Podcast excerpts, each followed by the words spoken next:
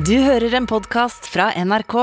I forrige uke lovte vi oss selv i redaksjonen at vi skal ikke gjenta den bedriften vi jeg tror vi gjorde to ganger, nemlig å ferdigstille en eh, debattensending i løpet av én dag. Det er, blir altså et rotterace uten like. Man starter fra man våkner tidlig på morgenen og jobber helt konstant fram til deadline, eh, altså til vi går i studio ti på halv ti på kvelden. Og det er uh, ulidelig, rett, rett, og slett. Så vi bestemte oss for nei. Uh, nå må vi bestemme oss i tide, og vi må ta temaer vi uh, stoler på ikke faller og sånt noe. Og vi hadde egentlig bestemt oss for at det var Wisting-feltet som sto for tur, altså det nordligste oljefeltet i verden, som Equinor har søkt om tillatelse for å sette i gang. Og vi hadde begynt å researche. Vi hadde brukt hele gårsdagen på å researche den saken. Eh, det er en kjempeinteressant sak, syns jeg. Og vi har egentlig ventet med den saken fram til at den skulle begynne å krype inn i eh, budsjettforhandlingene mellom SV og regjeringen. Men så kommer Equinor oss helt i forkjøpet og annonserer i morges at eh, de utsetter investeringsbeslutningene til 2026, var det vel. Og da var det, gikk jo lufta helt ut av den ballongen. Og så så vi oss rundt i nyhetsbildet.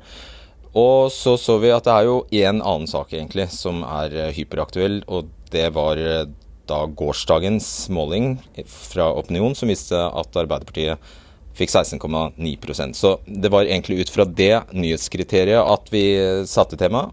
Men så visste vi at det ikke akkurat ville være et enkelt tema. For selvfølgelig, det sitter ganske langt inne for eh, politikere i et parti som ligger nede og, og villig eh, stille opp og fortelle hvorfor det går så galt. Det er jo både litt partidisiplin inne i bildet, det er eh, mange, mange hensyn de som vi har ringt som gal rundt for å få tak i dag, må ta.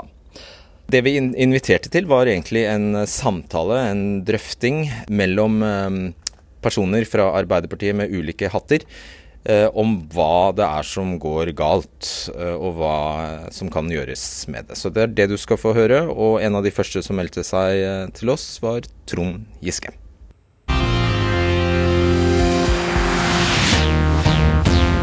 I alle stortingsvalg etter krigen har Arbeiderpartiet vært Norges største parti. Fra en topp i oppslutning under Gerhardsen i 1957 Via rent flertall på Stortinget fram til 1961, fra ultimatum til velgerne fra Jagland i 1997, til gårsdagens måling på 16,9 oppslutning. Det er en enkeltmåling foretatt av Opinionen for Dagsavisen og Fri fagbevegelse. Snittet av målingene så langt i november er ikke like ille, men heller ikke mer enn 18,9% Dagsavisen skriver det er ingen tegn til politisk kursendring. Det er fortsatt en forbløffende mangel på åpen diskusjon om ledertrioen. Og kommentator Hege Ulstein fortsetter. Hittil har Støre og miljøet rundt ham forklart de elendige målingene med at det er energikrise, inflasjonskrise, krig i Europa og generell dyrtid. Det er nærmere å være en unnskyldning enn å være en forklaring. Og kom ikke her og si at Støre er fersk og må få tid, skriver hun. 16,9 oppslutning er et avskyelig tall for Ap. En skingrende alarm. Den som ikke våkner av dette, har sovnet for godt. Alle marerittene til tross, skriver altså kommentator Hege Ulstein i det som før het Arbeiderbladet. Ulstein kunne ikke komme til debatten i kveld, dessverre. Men du er her, Trond Giske. Leder i Nidaros sosialdemokratiske forum. 16,9 Hvordan, Hva er det som har skjedd? Nei, Jeg er jo helt enig med Hege Ulstein i at det er krise. Eh, og jeg tror også det er veldig viktig at vi tar inn over oss at det er, eh, det er alvorlig. Eh, vi har vært gjennom mange kriser i Arbeiderpartiet. EU-kamp og arbeidsløshet på 90-tallet. Vi har vært gjennom den tøffe konflikten mellom Jens og Jagland. Da hadde vi målinger også som var veldig lave, men det hadde en direkte forklaring på enkeltsaker. Nå er det en dypere tillitskrise. og vi i, i, i, sommer var det fem år siden Arbeiderpartiet var over 30 eh, Det har aldri skjedd på 100 år siden Arbeiderpartiet kom til regjeringsmakt første gangen. Så Det er en dyp tillitskrise som vi er nødt til å gjøre noe med. Og Du har aldri vært så bekymret? Nei, altså Det er jo ingen selvfølge at et parti overlever. Eh, de sosialdemokratiske ideene vil overleve. De er livskraftige og har eh, jeg tror, stor oppslutning i det norske folk. Men når vi ikke får oppslutning til partiet, så er det vi som ikke klarer å formidle de verdiene, den ideologien, den retninga godt nok, og ikke forankrer politikken vår godt nok i folks hverdag. De kjenner oss ikke igjen, er det de forteller oss. Tonje Brenna, du er kunnskapsminister for Arbeiderpartiet. og som sagt ehm, eller nei, det er ikke sagt. Jonas Gahr Støre kunne dessverre ikke komme i kveld. Eh, han hadde, han hadde en avtale han dessverre ikke kom seg ut av. Men heller ingen andre fra ledelsen i Arbeiderpartiet er her. Vi har selvfølgelig gått tjenestevei og spurt om noen fra, av Arbeiderpartiets fjerde 48 stortingsrepresentanter ville komme hit. Og til slutt eh, Det ville ingen. Men til slutt fikk vi den gledelige beskjeden om at du Takk for hyggelig intro, det! Setter stor pris på det.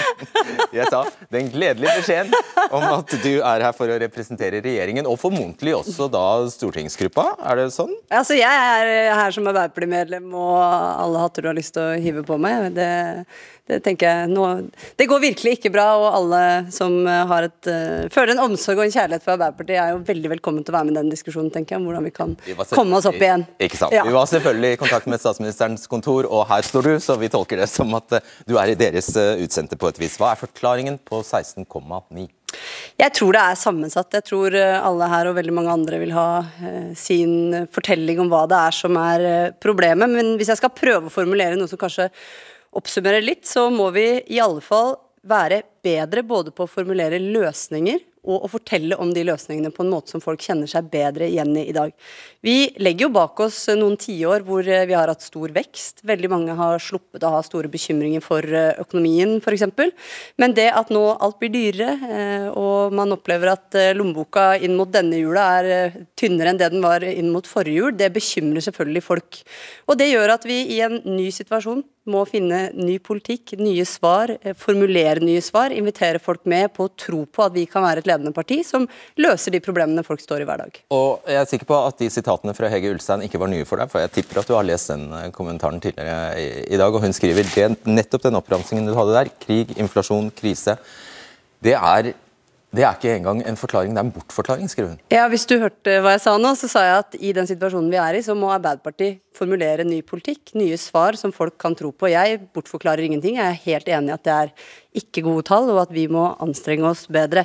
Jeg tror jo grunnleggende sett fortsatt på den retninga vi gikk til valg på, på fellesskap, på solidaritet, på likestilling, på å få gjort noen ting med eh, den klimakrisa vi står i. Men det er klart at når tidene forandrer seg, så må også prioriteringene i sakene forandre seg.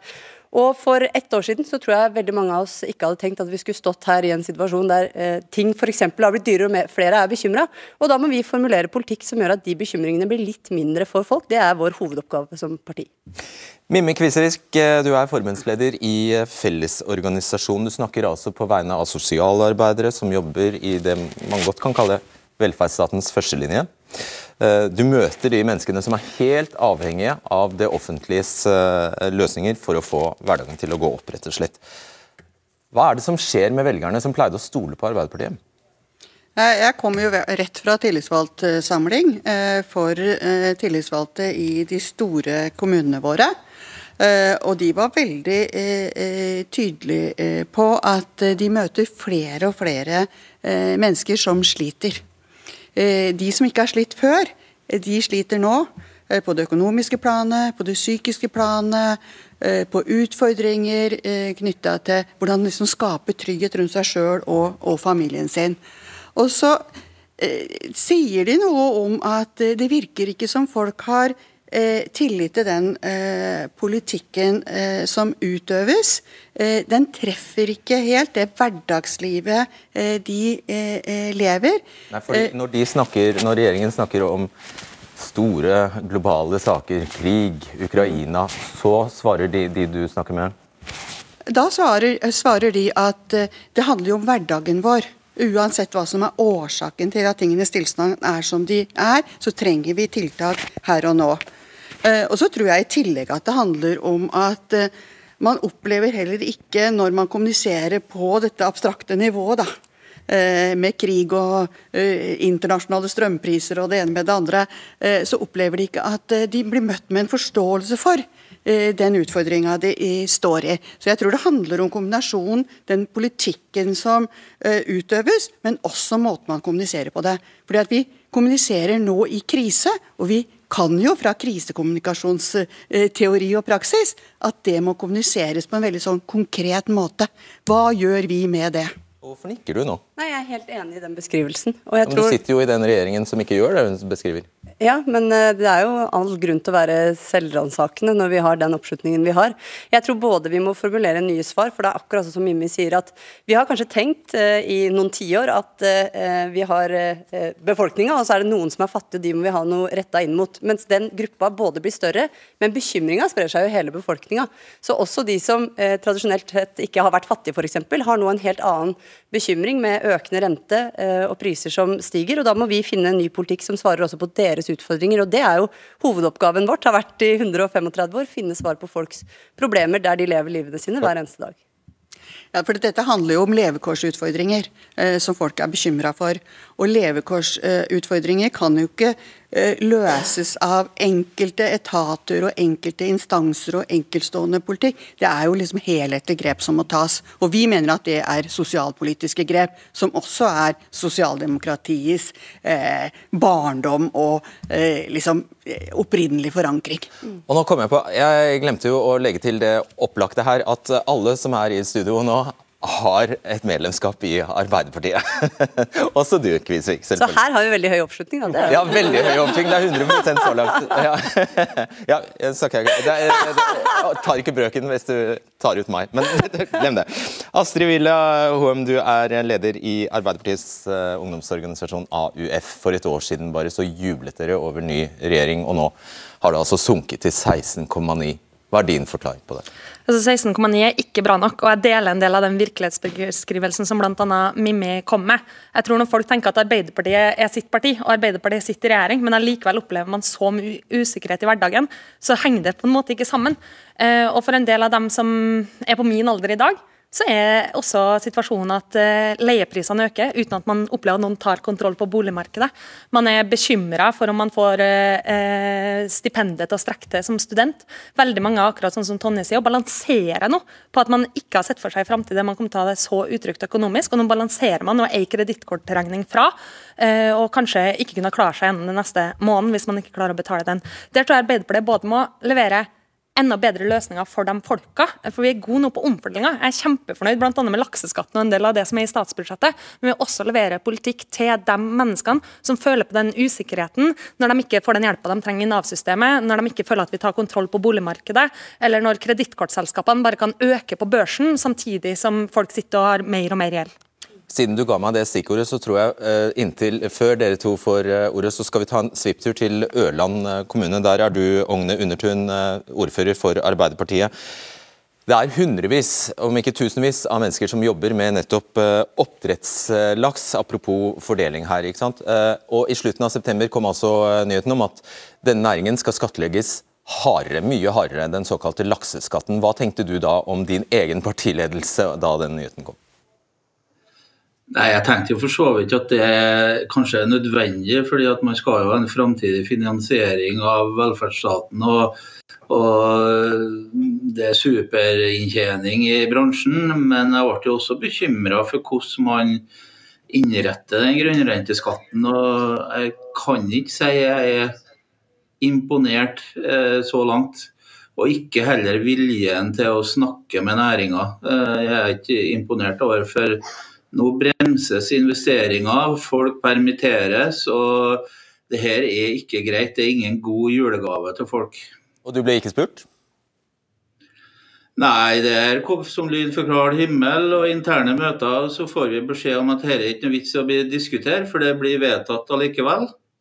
Syns jeg er en veldig dårlig inngang. Jeg syns det er også en dårlig inngang at man får rapporter fra Det er veldig viktig framtidsnæring for Norge at man opplever at fiskeriministeren er arrogant og ikke er villig til å diskutere med dem, men bare henviser dem til høringer.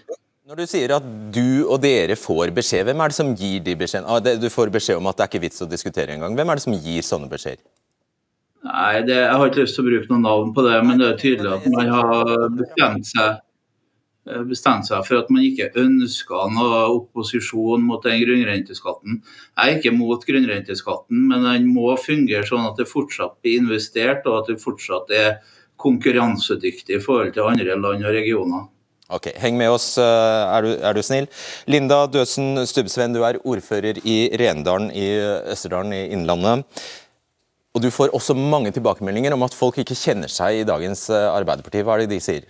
De sier at uh, de føler at de uh, ikke blir lytta til, at ikke vi er et parti for grasrota lenger. Uh, at ikke vi har de løsningene som At vi ikke svarer på de utfordringene de har i, i sin hverdag, som også Mimmi er inne på her.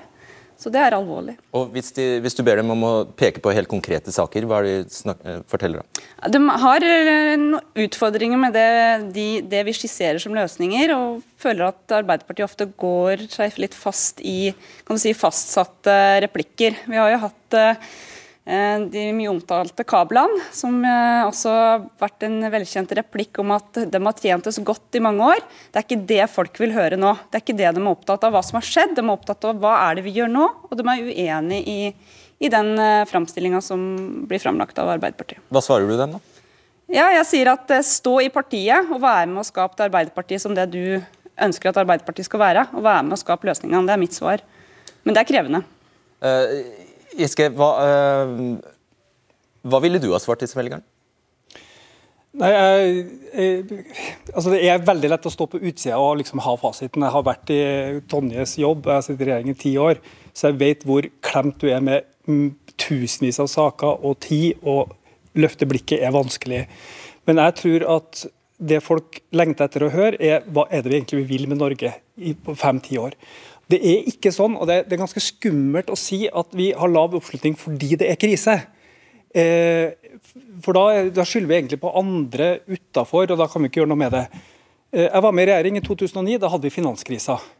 Hva var det Jens Stoltenberg sa da? Han sa vi skal styre Norge trygt gjennom finanskrisa. Det er ganske likt med det vi sier nå. Men så sa han en ting til. Han sa å komme ut med Europas laveste arbeidsløshet. Altså Det var en enorm ambisjon om hva du ville.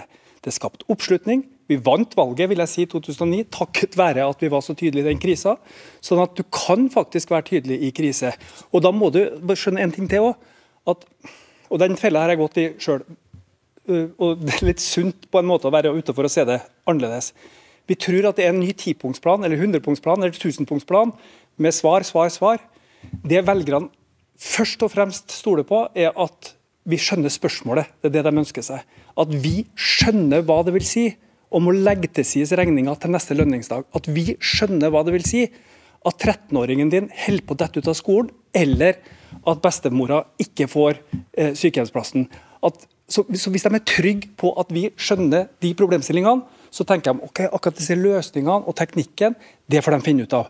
I, i Gerhardsens tid De vil jo at problemet skal løses. Da. Jo da, men, men, i Gerhardsens tid Folk hadde jo ikke tid til å lese partiprogram eller alternative statsbudsjett eller statsbudsjett, men de stolte på at Arbeiderpartiets folk hadde verdiene, ideologien og retninga og forsto hvordan vanlige folk har det. Og Det er den tilliten vi må gjenoppbygge hvis vi skal bli et 30-40% parti, som jeg mener er fullt mulig å bli. Det er ikke krise, det er ikke, det, det er ikke europeiske trender. Det er vår jobb å løfte partiet. Jeg er helt enig i det. Så tror jeg at det er en veldig viktig forskjell mellom uh, din generasjon politikere og det jeg f.eks. nå står i, nemlig at både i finanskrisa og tidligere så har egentlig jobben vært å bruke mer penger fordi det har vært motkonjunkturpolitikk, eller fordi man år for år har kunnet øke oljepengebruken.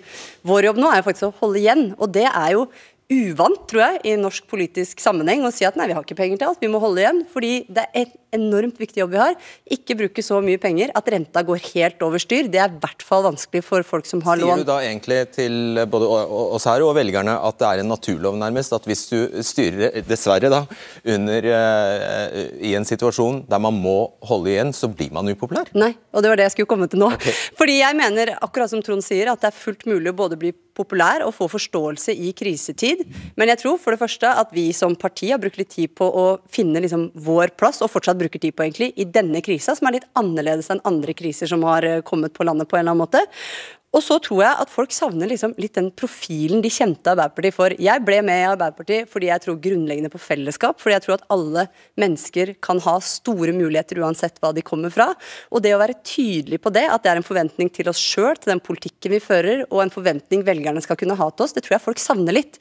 Så det å jobbe fram de gode politiske svarene, være tydelig på at vi stiller opp for dere, vi er på jobb for dere, vi gjør alt det vi kan hver dag for at enten det er sol eller regn eller krig eller fred, så skal akkurat du kunne leve et godt liv i Norge. Det tror jeg folk savner ved Arbeiderpartiet. Og det er vår felles jobb å skjerpe oss på. Det klarer ingen av oss å gjøre alene. Det må vi gjøre i fellesskap. Jeg legger til en ting til. For det første så synes jeg, altså, Det gjøres jo veldig mye bra. Og Det du gjør med å løfte liksom, praksis i skolen og lærlinger og masse forskjellige ting for å få ned frafallet, glimrende. Og verdibasert budskap. Men da må man ikke si at nå skal vi stramme inn, og så kutte i arbeidsløshetstrygd eller til matsentralene, eller ikke gi pensjonistene det vi har lovt i valgkampen. Det er sånne ting som da skygger over for den glimrende jobben som gjøres i Utdanningsdepartementet, eller i Næringsdepartementet, eller i Arbeidsdepartementet. Og Det er de fellene der. altså Du det må, gå- det må ringe en bjelle. Det er tabber, at de har begått en rekke tabber. Grove tabber, sier du. Altså, det må være samsvar mellom det verdibaserte budskapet om at vi skal, nå må vi, de sterkeste skuldrene må bære den tyngste børa. Vi må bruke mindre penger, vi må få ned inflasjon. Men det er ikke arbeidsløse, pensjonister eller dem som står i kø i matsentralen som skal betale for det. De tabbene har vi ikke råd til å gjøre. Nei, og det, det er jeg enig i. Jo, Altså, men vi- du er uenig i alt. Nei, men Ja, men, men det han sier er at her er det begått helt konkrete politiske valg, som kutt til arbeidsledige f.eks., eller å ikke holde løfter til pensjonister som allerede har det knagert. Det er det dere får straff for, sier han. Og så er en del av svaret på det er at uh, vi må dessverre gjøre noen kutt for å holde igjen på pengebruken. Og en del av svaret på det tenker jeg skal være helt ydmyk på når vi ligger så dårlig an, det er at vi sitter jo ikke med hele svaret. Nettopp fordi folk har åpenbart ikke den tilliten vi skulle ønske vi hadde blant folk, og da må vi gjøre en bedre jobb.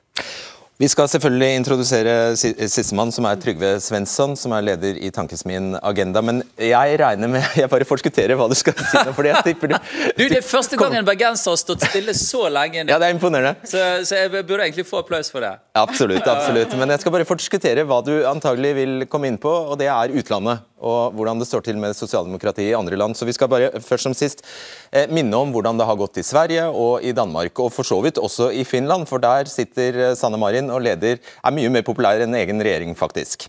Så var vi altså vitne til for eh, kort tid siden at Magdalena Andersson førte Sosialdemokraterne til et eh, veldig godt valg på 30,3% ble største parti i Sverige, og så gikk det ikke helt. da de skulle, Hun klarte ikke å skape regjering, men dog. Eh, I Danmark skjedde omtrent det samme. Der vant Mette Fredriksen altså valget med 27,5% etter å ha gått fram fra forrige valg, som, også, som hun også vant. Og så kommer altså 16,9 for, eh, for Støre og eh, Arbeiderpartiet, og det er 10% omtrent akkurat 10 prosentpoeng lavere enn ved valget. Så, Trygve Svensson, hva er, det, hva er det det norske Arbeiderpartiet kan og bør lære av disse her? Altså, Det som i hvert fall er liksom viktig å minne om, er altså det blir kanskje rart å snakke om en sosialdemokratisk storhetstid når du ser den typen målinger, men vi lever jo i realiteten i, hvert fall en sosialdemokratisk styringstid. Det er sosialdemokratene som styrer omtrent hele det lokalpolitiske Norge. Alle små kommuner, alle store byer, alle regioner. Eh, I tillegg til at valget i 2021 var eh, den største egentlig velgerbevegelsen i progressiv retning, eller eh, i en retning der folk ba om mer omfordeling, mer kamp mot ulikhet, mer klima. og største velgerbevegelsen siden 1920-tallet i Norge. Så vi har egentlig ved valget 2021 tatt veldige sånn skritt til venstre. Eh, og så synes jeg det er interessant Og så er vi her for å snakke om at etter det valget så har det jo bare gått én vei, så Ja. la oss holde oss til det. da. Ja, ja, enig med deg. Eh, Og eh, jeg syns jo det er veldig sånn interessant, interessante takter egentlig fra Tonje Brenna, som er her for å, å, å forsvare regjeringen og prosjektet, og er såpass på en måte selvransakende og selvkritisk. Jeg hadde sikkert gått mye mer i forsvar hvis jeg var, hvis jeg var, hvis jeg var Brenna. Eh, Men jeg tror jeg tror ikke du kommer unna altså Bare tenk at et ord som altså Jeg, vet at Hege Ulstein er uenig i denne analysen, men at et ord som dyrtid er kommet inn igjen i norsk, eh, i norsk dagligtale SSB kom med tall i går som sier at for en helt vanlig familie så er det blitt 18 000 dyrere. Og når du har et parti som går til valg på å være partiet for vanlige folk, Og dette slagordet har på mange måter bare preget hele det offentlige ordskiftet. Det har egentlig vært et, veldig interessant skifte i norsk politisk debatt, der politikken plutselig blir målt opp mot om man er bra for vanlige folk. Og hva er det som har skjedd, Fredrik? Det er veldig selvpåført. Vanlige folk. slagordet Vanlige for, folk. Er det vanlige folks tur, vil du ikke si det? Jo, nettopp. Men Veldig jeg er egentlig glad for det. For det er bra for politikken at den blir målt opp mot vanlige folk. Men vanlige folk har det tøffere nå enn kanskje siden 90-tallet i Norge. Og En av måtene du gir beskjed på da, det er selvfølgelig gjennom meningsmålinger. og Det blir en kraftig oppvekker for regjeringen, for partiene. og det er det de Men nødt til å ta tak i. Hva er poenget ditt? Jeg skjønner ikke poenget. Ja, eh, Poenget mitt er, eh, poenget mitt er at, eh, at vi lever i krisetid. Akkurat Så sånn det må som bare bli sånn? Nei, selvfølgelig ikke. Det er partienes oppgave å håndtere Ja. kriser. Ok. Ja. Uh, Kvisvik, jeg, bare, eh, jeg skal bare så vidt innom, siden du er, uh, eh, egentlig representerer alle de LO-tilknyttede fagforbundene. Nei. Akkurat nå representerer jeg ett på meg selv. Beklager, men vi har vært i kontakt med så mange. og, det, og du, ville, eh, du er her heldigvis. Denne regjeringen gikk altså til valg på at de skulle bruke, de skulle ta i bruk partssamarbeidet, sa de. De skulle lytte til de fagorganiserte. De skulle, de skulle bare åpne opp, i motsetning til det Solberg-regjeringen, eh, sa de, hadde holdt på med. Har de gjort det, denne regjeringen? Eh, Ja, jeg opplever at, at statsråden er mye mer søkende eh, til oss, men jeg tror vi har langt å gå i forhold til å eh, få et skikkelig bredt trepartssamarbeid eh, som sikrer at vi faktisk også ser hvor mange og hvor ulike de er, disse vanlige folka. Eh, fordi at eh, Ut fra en sånn sosialarbeider eh, ståsted, så er det i hvert fall ingen tvil om at det er en ganske sammensatt gruppe. Og jeg har snakka med mange sentrale Arbeiderpartifolk knytta til dette her med at vi snakker veldig mye om trygghet for arbeid og trygghet i arbeid, men vi må også snakke om trygghet uten arbeid. Det er det som gir oss det den grunnleggende tryggheten og tilliten til at hvis man skulle bli stående der uten, så får man faktisk hjelp. Fordi at vi har en ekte velferdsstat. Og det er klart at når vi Og snakker da, om da vanlige jeg bare folk helt for, for å oversette det i praktisk politikk, det kuttet til, i dagpenger, Ja, det, det er- var et kutt. Det er helt forkastelig. Det var forkastelig. Uh, og det er viktig også å huske at vanlige folk er 360 000 uføretrygda. Nettopp. Før vi går videre, eh, det debatten-redaksjonen merket da vi ringte som gal i dag, er at analysene om Arbeiderpartiets fall spriker i alle retninger, og avhenger kanskje naturlig nok, av hvem man snakker med. Hvis du har en forklaring, så kan du bli med på eh, diskusjonen på nrk.no. Fredrik Solvang. Og da skal jeg si god kveld til deg, Stanley Virak. Du er ordfører i Sandnes i Rogaland, eh, med oss fra Stavanger. Og du mener ja, Du mener Arbeiderpartiet må slutte å bli, la seg bli hakket på. Hvem er det som hakker på Arbeiderpartiet? Ja, Det er i forhandlingene nå med SV. Eh, Når Arbeiderpartiet og Senterpartiet har lagt fram sine budsjetter, så må en gå ekstra runder med SV. Og så eh, må en da eh, komme fram til kompromisser med SV. Og SV sitter på sida der og kommer fram med veldig mange av de verdiene som Arbeiderpartiet står for. Og så må Arbeiderpartiet gi seg på det, og Arbeiderpartiet blir den tapende parten i den, eh, i den debatten der. Men jeg- tror faktisk det største problemet det er at vi har gått nå ifra en tid der det har vært godt med midler i eh, norsk økonomi, og så skal vi begynne å stramme inn. Og da har vi et stort kommunikasjons, eh, en stor kommunikasjonsutfordring som jeg syns regjeringen ikke har klart godt nok. Og du sier at eh, det, eh, folk du snakker med, føler at det er Finansdepartementet som styrer dette landet. Det kan jo ikke være noe galt, galt i det? Det må jo bety trygg og kjedelig styring, det? Ja, det er det, men altså, vi har våre verdier i arbeiderbevegelsen, og eh, de kommer litt i bakhånd nå. Nå er det hva mener det, Finansdepartementet, hva er nødvendig å stramme inn, og så er det eh, rett og slett det som blir debatten, hvordan skal vi stramme inn mest mulig. Istedenfor hvordan skal vi lage et samfunn der de aller, aller fleste er med. Du har Arbeiderpartiet riktig ledelse? Ja, det har de. Det har de absolutt. Uh, og uh, det er en tøff tid for ledelsen, men vi har vært gjennom dette før. og Jeg er sikker på det at hvis en gjør de gode grepene, får fram de gode argumentene, så kommer vi tilbake igjen. Og det har vi gjort mange ganger før. Vi hadde, som Trond sier, uh, under finanskrisen, der vokste vi under krisen. Vi må bare få fram at regjeringen er for oss alle, og regjeringen er for å lage en bedre hverdag for alle. Og så, og så tror jeg bare en siste ting. Jeg, jeg tror vi må prøve å unngå den dobbeltkommunikasjonen. Vi sier at folk må stramme inn, folk må gi fra seg sine velferdsgoder, samtidig som vi skal bruke hundrevis av millioner på å oppløse eh, fylker og kommuner. Eh, det har vi råd til, sies det, men hvorfor har vi ikke råd til å la folk få sine velferdsgoder? Ok, Det er vel en hakkespett fra Senterpartiet som har sørget for denne reverseringen der, tror jeg. Fritt. Eh, tusen takk skal du ha, Stanley Virak. Fridtjof Jacobsen, Eh, du er politisk redaktør i, i Dagens eh, Næringsliv. Du, skriv, du, skrev for ja, er det en eh, måneds tid siden at Støre et co. har forlatt middelklassen. og Det har de gjort bl.a. ved å skattlegge næringslivet beinhardt, og ikke minst sette et bastant skille på 750 000 i inntekt og alle oss andre. Ja, eh, gjengitt litt spesielt, men eh, jeg sa at dette med den 750 000, eh, om ikke det betyr så mye rent økonomisk, så er det et veldig klart signal om at det kan i hvert fall oppfattes som at tjener over det, så behøver du ikke å stemme på oss. Og det tror jeg, hvis man ser at hvor veldig mange av velgerne går, så går de til Høyre. Høyre blir kjempestort, Arbeiderpartiet blir kjempelite. Det må, tror jeg med i ligningen når man ser hvorfor det går så dårlig for Arbeiderpartiet, så er det for en del velgere går altså til Høyre. Eh, og jeg tror at eh, middelklassen er viktig for Arbeiderpartiet. Hvis de skal bli et stort parti, rundt 30% som de har ambisjoner om, så må de klare å ha med den, i tillegg til de velgergruppene som blir mye diskutert her. Det er ikke noe de må, selvfølgelig, det kan la være, men, men jeg tror ikke veien til 30% i dagens Norge det må innbefatte en ganske stor del av middelklassen. Eller de som definerer seg som det. Og Der, der tror jeg det glipper litt. Mm.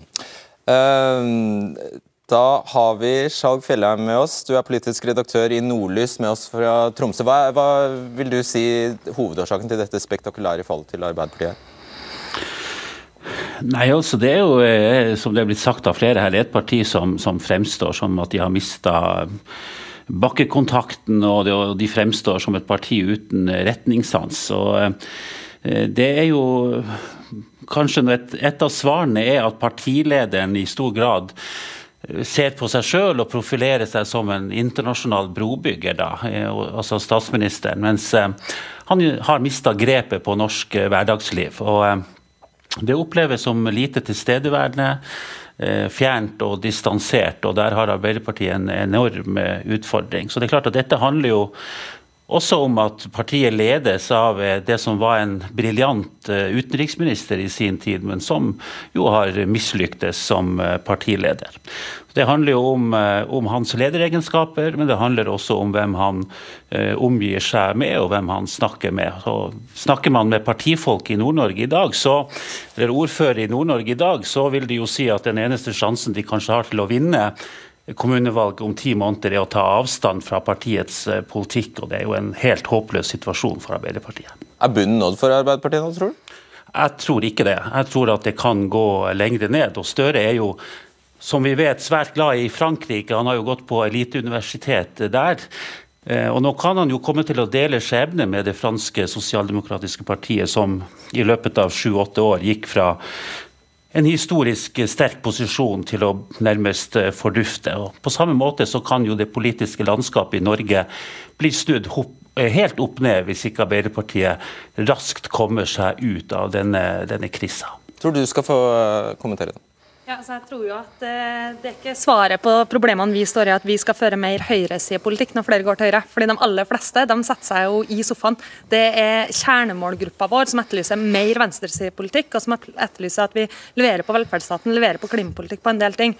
Og Da kommer man ikke utenom, når vi står i denne debatten, å snakke om Arbeiderpartiet og målinger, at eh, det handler om politikk, men det handler også om at det har vært veldig krevende tider med personkonflikt og andre ting. Og jeg må innrømme som AUF-leder at jeg syns også det er merkelig at Trond nå prøver å være en slags lederskikkelse på venstresida. Når jeg har vært med i et AUF og Arbeiderparti der jeg har sett at han har gått imot de viktigste sakene til AUF, om det er oljefritt Lofoten, Vesterålen og Senja, om det var fraværsgrensa, om det var en mer human asylpolitikk der Trond var den som sa at Fremskrittspartiet og Sylvi Listhaug ikke stramma inn nok. Nå, som næringsminister som han solgte ut selskapet og ønska å fjerne formuesskatten. Begge ting som er to ting vi på venstresida i Arbeiderpartiet er mot. Og i tillegg så kommer det på toppen at for veldig mange av mine medlemmer så har det vært krevende tider. Nettopp fordi de har stått i bresjen i mange av de vanskeligste kampene i partiet. Det er fortsatt krevende tider. Og det har vært vanskeligere for mange av dem også å diskutere politikk. Så jeg mener at det først og fremst handler om politikk, men når man ser på den nedgående trenden Arbeiderpartiet har hatt over tid, så mener jeg at det også har vært for mye uro. Og der mener jeg at flere må begynne å ta ansvar. Og det skyldes blant annet han? Blant annet han. Hva syns du om at han er her? Jeg syns ikke det er Trond Giske som leverer framtidas løsninger for Arbeiderpartiet. Du må få svar. Nei, jeg tror jo sånne diskusjoner er veldig lite konstruktive. fordi eh, da Arbeiderpartiet var på 30-40% så er vi brede koalisjoner. Vi er ikke bare oljemotstandere eller bare tilhengere. Vi er, ikke, vi, vi, vi, vi er både naturvernere og industrifolk. Vi er både pensjonister, arbeidstakere og uføre. Vi er distriktsfolk og byfolk. Og vi er, som Fridtjof sier, vi er middelklassefolk og vi er arbeidere.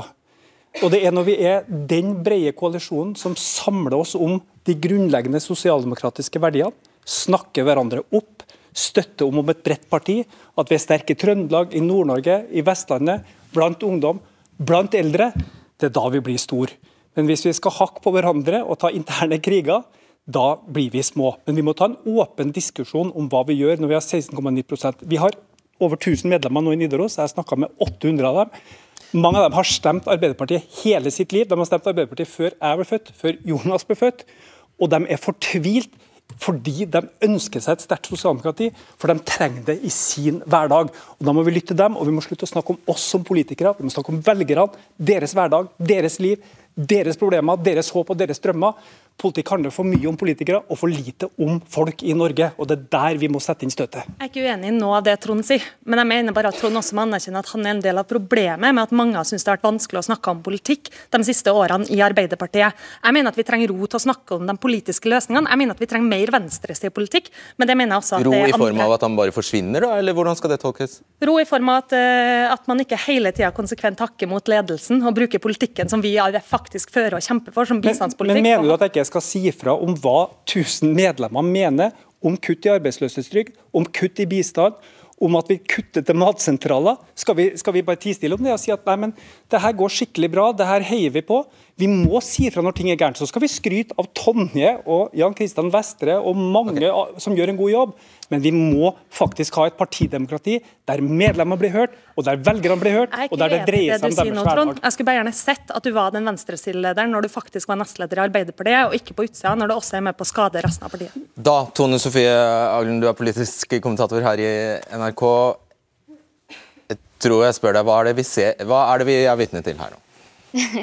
Det var i hvert fall litt forfriskende å se en eh, intern debatt i Arbeiderpartiet om hva de skal være. For det er jo det mange av oss har vært litt overraska over, at man har stupt eh, så mye på meningsmålingene og har bare lagt forklaringer på ytre faktorer som Arbeiderpartiet ikke rår over. Kanskje først nå får man en mer intern debatt om det er noe eh, partiet sjøl gjør galt i regjering. Og så er det også interessant å se at som vi har fått en smakebit på, hvordan eh, det spriker. Det er nesten like mange forklaringer på hvorfor Arbeiderpartiet sliter som det er Ap-velgere, og nå er det jo færre av de for tida. Men likevel så er det nok vanskelig for partiet å navigere i det. Vi hørte jo i dag at lakseskatten ble brukt både som et eksempel på hva som er løsninga for Arbeiderpartiet, og hva som er problemet for Arbeiderpartiet. Er partiet bare for stort? Er det det? Jeg jeg tror ikke det oppleves som et uh, Nei, det reelle problemet. når det ligger på 16,9. Men Prøver de å favne for vidt, da? Det er vel egentlig det som har vært eh, suksessfaktoren eh, til Arbeiderpartiet, at man favner hvitt. Men eh, det virker ikke som man lykkes med det i dag. Jacobsen. Problemet er jo ikke velgerne, og det er litt symptomatisk. Veldig mange som diskuterer nå Arbeiderpartiet, de, de stemmer fortsatt Arbeiderpartiet og sier nok Arbeiderpartiet i måling. Kanskje man burde spørre de som ikke stemmer Arbeiderpartiet lenger. Og de som ikke er aktive i Arbeiderpartiet. Det kan hende at løsningen når man taper velgere i så stort monn, ligger utenfor partiet. Her tror jeg det svikter. Og så tror jeg også at eh, den intervjuet med Jonas Gahr Støre sa jeg er forberedt på å bli upopulær for politikken vi fører. Jeg kan skjønne det argumentet, men i det så ligger det en slags nedvurdering av mennesker også, at de skjønner ikke at politikken er riktig, derfor blir jeg upopulær. Og Det tror jeg ikke man egentlig kan si. for Underteksten at velgerne er litt for dumme til å forstå at den politikken vi fører er riktig, kan man tolke det som. Så jeg tror Hvis Arbeiderpartiet skal komme seg opp igjen, det er ikke sikkert det er så vanskelig så må man begynne å forklare først hva er problemet, og så kan man diskutere om hvor løsningen er gode eller ikke. men sånn som det er nå, så kommer de med en masse løsninger, så ingen skjønner hva som er problemet. Og da blir jo løsningene problemet. Det er ganske elementær kunnskap for politikere på dette nivået.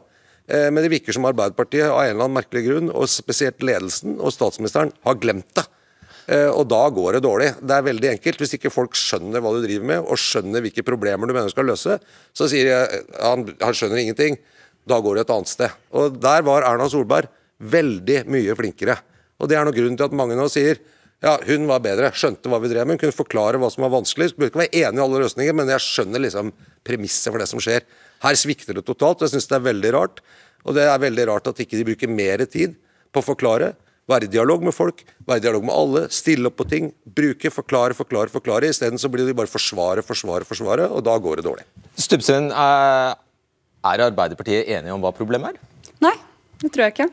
Eh, og Det er ganske tydelig ut fra debatten at dette partiet går ikke i takt. Eh, og For meg som lokalpolitiker også er det, det er frustrerende. Eh, jeg legger ikke skjul på det. Og Et konkret eksempel var jo når vi hadde et utvalg i Arbeiderpartiet som skulle se på energi og strøm, og så kommer det ut en uttalelse om at man skal utjevne strømpriser mellom nord og sør.